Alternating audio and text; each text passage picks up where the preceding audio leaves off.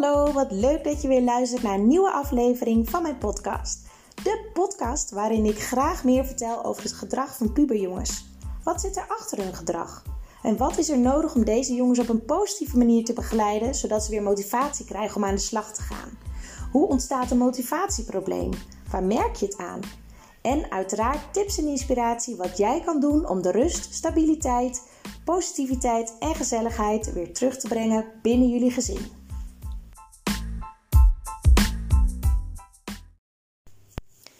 Yes, weer een nieuwe podcast en deze keer op verzoek uh, van een van de deelnemers van mijn online programma Positiviteit in de Puberteit. En uh, die moeder die gaf als tip om een podcast op te nemen over plannen. En uh, vooral over plannen voor de jongeren zelf. Dus deze podcast gaat helemaal over het plannen. En het is een hele mooie timing natuurlijk om het hierover te hebben. Want uh, heel veel scholen hebben nu de toetsweken voor de deur staan over een week of twee weken en sommige nog wat langer. Dat verschilt namelijk per school wanneer ze de toetsweken hebben.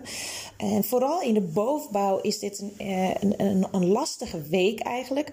Want ze hebben zo'n twee toetsen per dag. Soms duren toetsweken zelfs anderhalf week. En dat betekent dat ze zo'n nou ja, 8 à 10 toetsen hebben.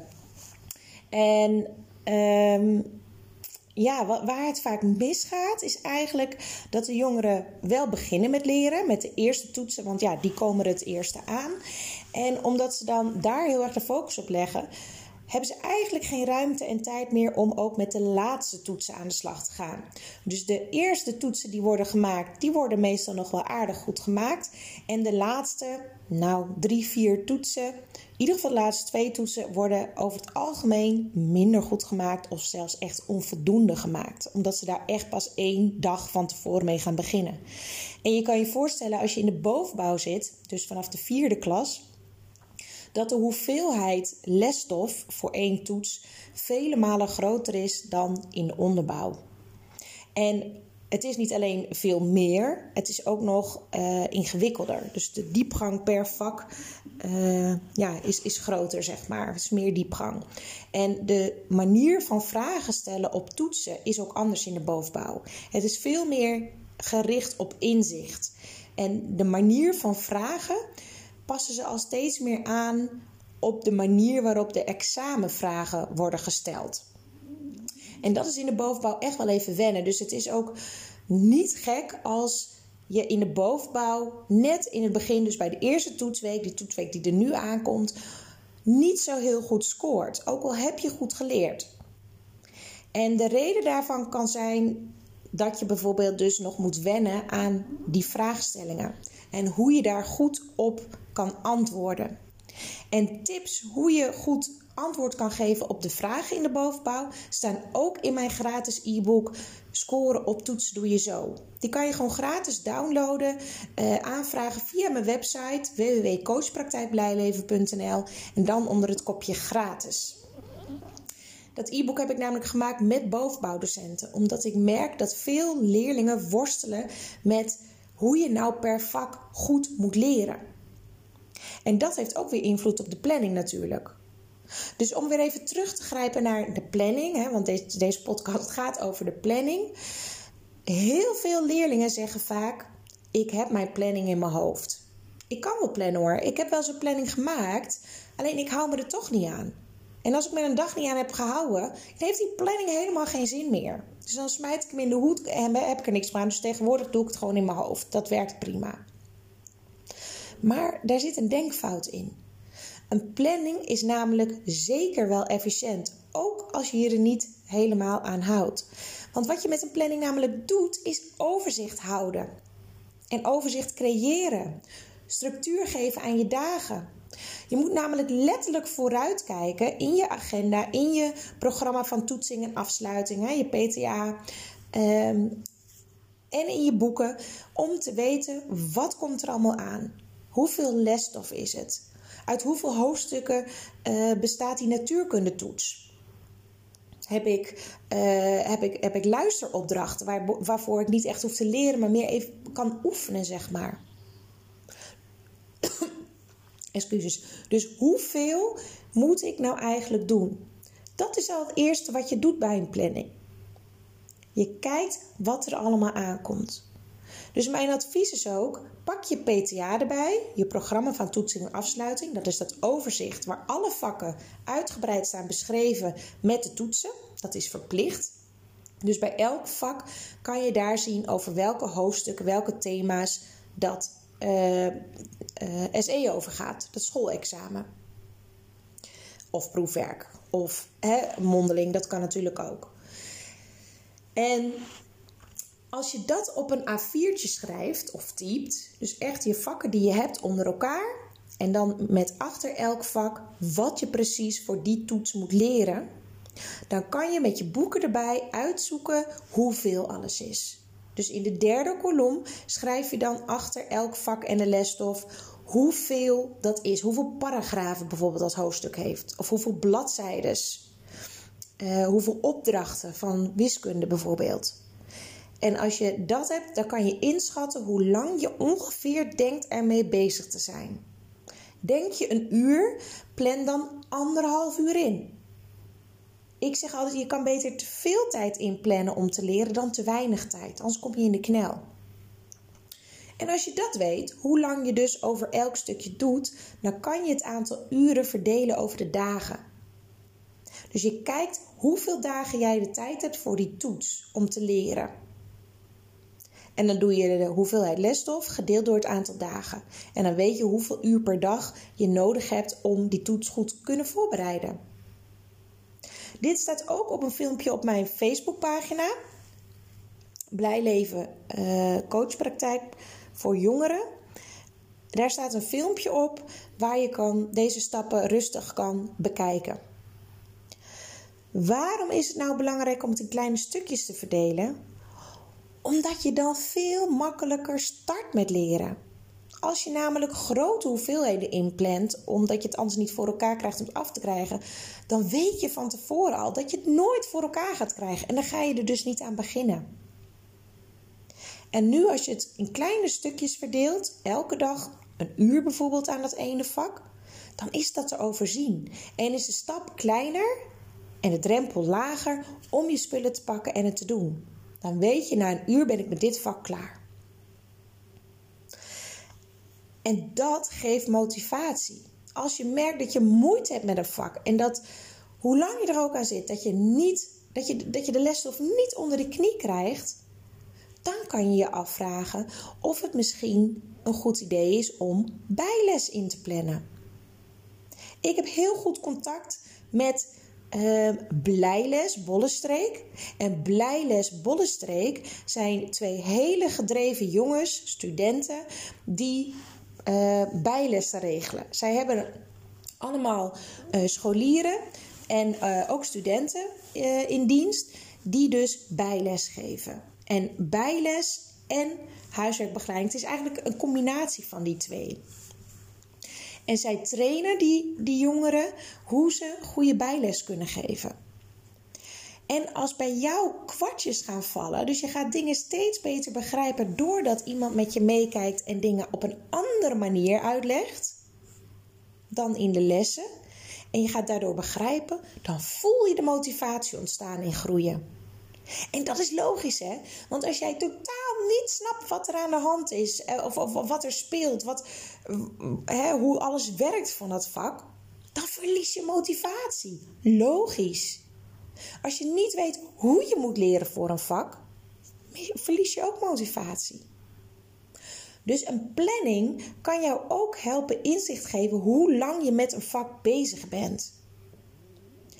En mocht het zo zijn dat je voor de maandag een vak hebt ingepland en die maandag krijg je het niet voor elkaar om je ertoe te zetten om te gaan leren.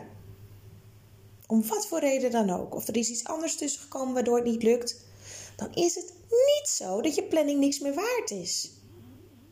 Wat je nu namelijk weet, dat je achterloopt voor dat ene vak en ook precies hoeveel je achterloopt. En dat betekent dat wat jij achterloopt, dat je dat op andere dagen ertussen moet proppen om het alsnog te doen. Doe je nog een dag niks, dan weet je nog steeds hoeveel je achterloopt. En dan zorg je er wel voor dat je aan de bak gaat, want anders krijg je het niet meer voor elkaar. En als jij het in een planning heel overzichtelijk kan maken, wanneer je wat gaat doen, en dan bedoel ik hoe laat, welk vak, wat je precies van het vak gaat doen, hoeveel bladzijden, welke bladzijden of hoeveel woordjes en hoe lang je eraan gaat zitten, dan weet jij precies hoe de dag eruit ziet. En een planning is niks vast. Hè? Dat, is een, dat is iets, dat is, eigenlijk is het een proces, continu in beweging. Want je kan schuiven met stukken. Ik wil nu eerst sporten, terwijl ik eigenlijk nu zou gaan leren voor dit vak. Maar ik wil toch eerst sporten. Nou, dan wissel je sporten en dat vak wissel je om. Als je me online hebt, is dat helemaal makkelijk te doen.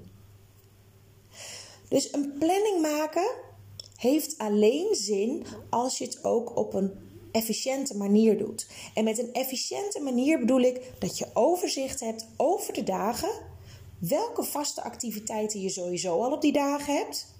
Dus het opstaan, het eten, het slapen, middageten, avondeten, eventueel je sport of je trainingen, uh, muziekles, verjaardagen, weet ik wat. Alles zet je er eerst in voordat je je huiswerk in gaat zitten, zetten. En dat ieder, alle activiteiten zeg maar, geef je een eigen kleurtje. En als je je vaste activiteiten erin hebt gezet, dan noem je dat een basisplanning. Die sla je op op je computer. En als je die basisplanning hebt, dan kan je precies zien de tijden en dagen dat je witte vlakken hebt. Dat zijn de momenten dat jij tijd hebt voor huiswerk. Heb je niet zoveel witte vlakken? Dan betekent dat dat je moet gaan kijken of je ervoor kan zorgen dat je meer ruimte kan uh, of meer ruimte krijgt op de dagen. Bijvoorbeeld, misschien kan je minder gaan werken voor je bijbaantje nu rond de SE-week of rond je toetsweek. Het is wel belangrijk om te sporten, om te blijven sporten, zeg ik altijd. Want dat is ook een stukje ontspanning. En ehm, als je gaat hardlopen na het leren bijvoorbeeld, onthoud je ook veel beter wat je hebt geleerd. Dat is wetenschappelijk bewezen. Dus ik zou niet ervoor gaan om alles af te zeggen. Gun jezelf ook die ontspanningsmomenten. Ehm, dus een planning maken helpt alleen als je het op de juiste manier doet. Dat het overzicht geeft en dat je zeker weet dat als ik me hier aan hou, dan heb ik al mijn toetsen op tijd geleerd. En niet alleen mijn eerste twee toetsen, maar ook mijn laatste twee toetsen. En het mooiste is als je zorgt dat je alle lesstof hebt doorgenomen voordat je je laatste les hebt voor de toetsen, zodat je nog vragen kan stellen hoef je niet per se alles al hebben geleerd. Hè? Want er zijn ook heel veel scholen die hebben uh, een week vakantie voordat ze de toets hebben. Dus dan, dan lukt dat niet helemaal. Dus bekijk voor jezelf welke vakken loop je echt vast. En is bijles misschien handig? En google maar eens op blijles Bollestreek. Max en Jesper zijn de eigenaren daarvan. En mocht je er meer over willen weten, dan mag je mij natuurlijk ook altijd even een appje of een mailtje sturen. Dan uh, stuur ik jullie de gegevens van Blijles op. Um, en mocht je um, hulp nodig hebben bij het plannen, kijk dan eerst even het filmpje op Facebook die ik heb geplaatst. En mocht je dan nog niet helemaal eruit komen, want hij is natuurlijk niet helemaal compleet, dat snap ik wel. Laat het me weten. Ik heb heel veel leerlingen al geholpen met een planning maken. En dat kan gewoon online via Zoom. Dus dan pak jij al je boeken erbij en ik stel je vragen en jij zoekt op bijvoorbeeld hoeveel bladzijden het heeft en dergelijke. En dan deel ik mijn scherm en dan kunnen we samen een mooie planning maken. En als je dat alleen kan, is het natuurlijk ook helemaal prima. Maar het geeft echt rust en overzicht en uiteindelijk betere resultaten dat je weet wat je wanneer gaat doen. Ik wens jullie heel veel succes met het maken van een goede planning en eventueel het regelen van bijles als daar behoefte aan is. En volgens mij moet het dan goed komen. En blijf je je zorg maken of weet je niet hoe en wat, schroom niet en neem contact met mij op. Yes, al mijn gegevens staan op mijn website. www.coachpraktijkblijleven.nl. Toi, toi, toi!